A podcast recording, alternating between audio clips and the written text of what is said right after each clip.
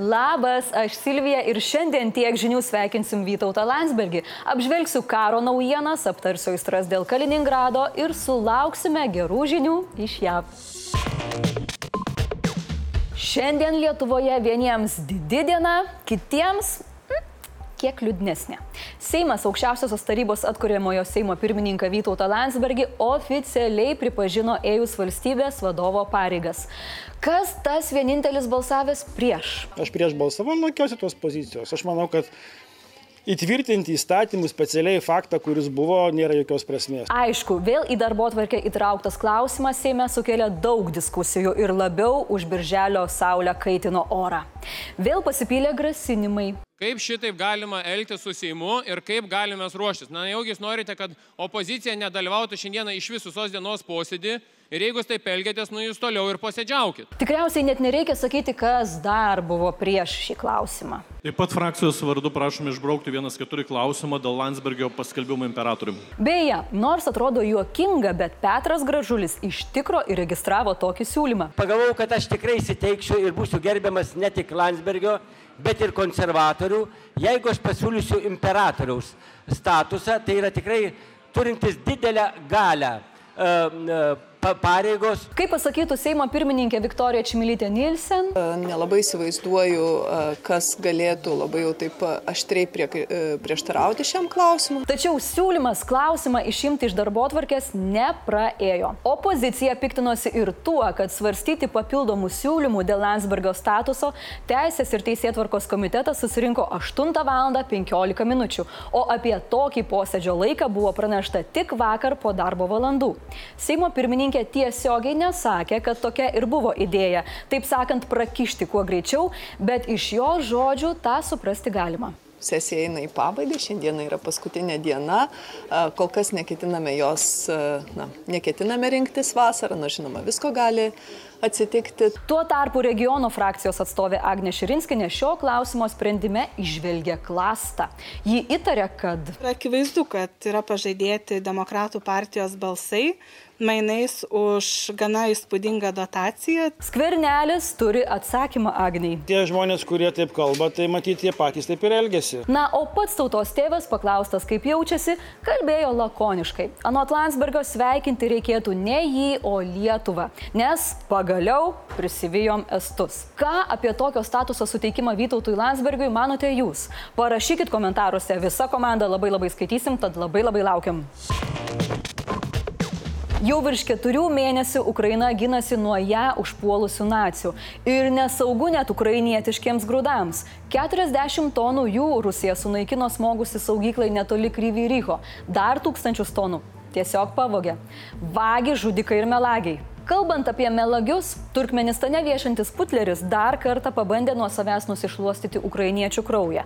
Jo teigimu, Rusijos kariuomenė tikrai neatakuoja civilinės infrastruktūros objektų. Rusai tiesiog taip savo, bet kaip nešaudo, tai daro remdamiesi žvalgybos duomenimis apie taikinius. Net nebejoju, kad žvalgybos duomenys kariuomenė gavo ir tik kai pasitvirtino, kad objekte yra civilių, smogė. Kad rusai yra kraugeriai, patvirtina Amnesty International pranešimas, kad Mariupolio miesto miesto teatrui, kuriame slėpėsi civiliai, kovo mėnesį smogė Rusijos aviacija. Organizacija tai pavadino karo nusikaltimu.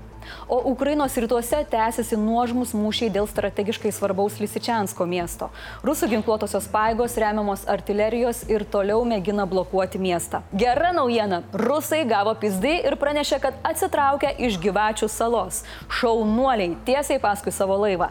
Laukim, kol ten pat trauksis ir visa okupacinė kariuomenė. Beje, Ten pat Ukraina siunčia ir Siriją. Prezidentas Zelenskis pranešė, kad Kyivas nutraukė diplomatinius ryšius su Damasku, nes šie pripažino Rusijos okupuotose Ukrainos teritorijose sukurtų liaudies respublikų nepriklausomybę. Užbaigsiu su tokia ir gera, ir šitiek nesmagia naujiena. Ukraina ir Rusija vakar įvykdė didžiausią nuo karo pradžios apsikeitimą belaisviais. Iš viso į Ukrainą grįžo 144 žmonės, 95 iš jų Mariupolio ir Azovstal gamyklos gynėjai. Tačiau išlaisvintieji yra labai prastos fizinės būklės. Visiems reikia skubios medicininės pagalbos, dalis karių yra praradę klausą, regėjimą, neteko rankų ar kojų.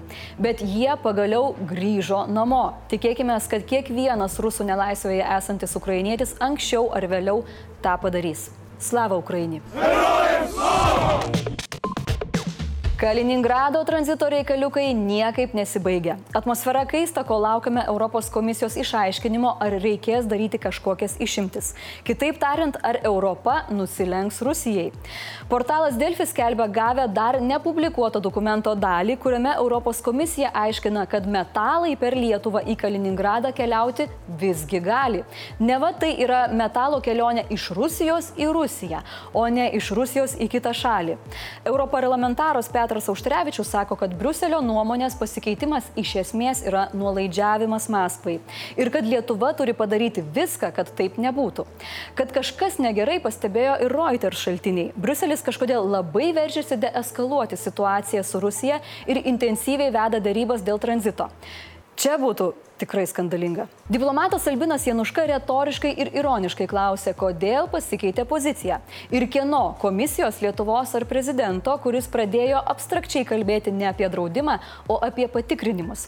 Prezidentui įkalė ir Dalė Grybauskaitė, sakydama, kad prezidentas turėjo išgryninti ir atstovauti Lietuvos pozicijai Europos vadovų taryboje, nes be Lietuvos sutikimo jokių išimčių negali būti.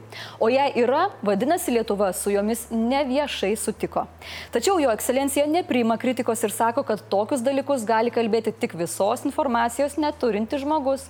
Tuo tarpu mūsų premjerė sako, kad viskas čia yra čiki piki ir situacija dėl tranzito nesikeičia. Tai kuo tikėti?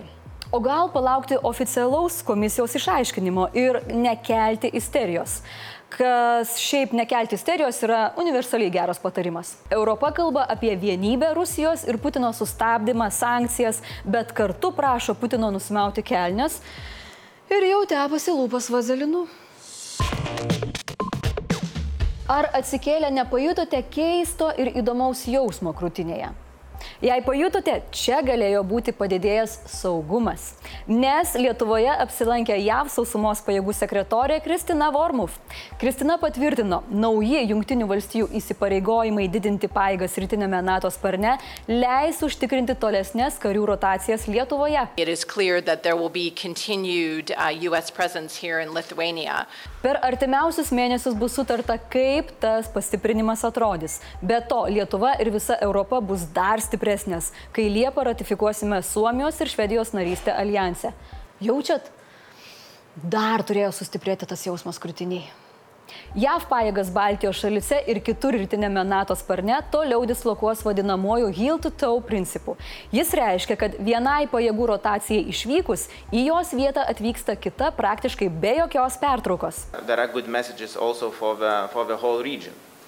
Uh, it's not only about Lithuania. U.S. is going to, to, to reinforce uh, uh, presence in in uh, in a Baltic uh, in a Baltic region, and that is a good news for us. Šiuo metu pabradėje dislokuotas penktasis sunkusis JAV batalionas su tankais Abrams ir kovos mašinomis Bradley.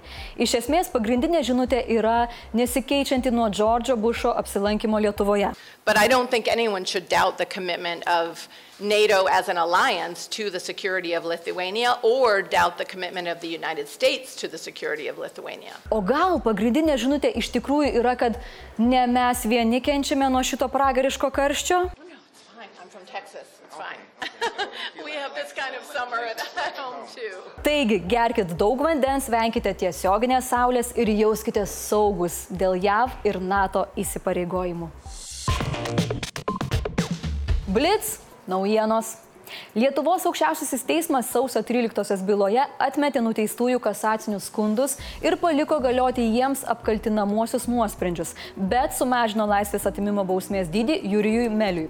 Šis sprendimas yra galutinis ir neskundžiamas. Nuteistieji byloje buvo pateikę 13 skundų, visiems jiems skirtos laisvės atimimo bausmės. Apeliaciniam teismui patvirtinus Seimo nario Petro Gražulio kaltę, parlamentas turės balsuoti dėl apkaltos jam supaprastinta tvarka, sako Seimo teisės ir teisėtvarkos komiteto pirmininkas Tasys Šedbaras. Jo teigimu, Seime supaprastinta apkaltos procedūra dar nebuvo taikyta. Seimas priemė naują vietos savivaldos įstatymą. Tiesiogiai išrinkti merai turės daugiau galių, sustiprintos opozicijos teisės. Nauja įstatymo redakcija nustato naują merų ir savivaldybių tarybų santyki. Pagal naująjį modelį dirbs kitąmet išrinktos savivaldybių tarybos ir merai. Pasaulio sveikatos organizacija įspėjo, kad JAV aukščiausio teismo teismo sprendimas panaikinti konstitucinę teisės į abortą apsaugą gali daryti žalingą poveikį toli už Junktinių valstijų ribų. Po šio sprendimo mažiausiai aštuonios valstijos nedelsdamos uždraudė abortus. Šiuo pavyzdžiu turi pasiekti dar maždaug tiek pat valstijų. Kol jūs deginat savo pilvūzus, kažkas jau ruošiasi kitai vasarai.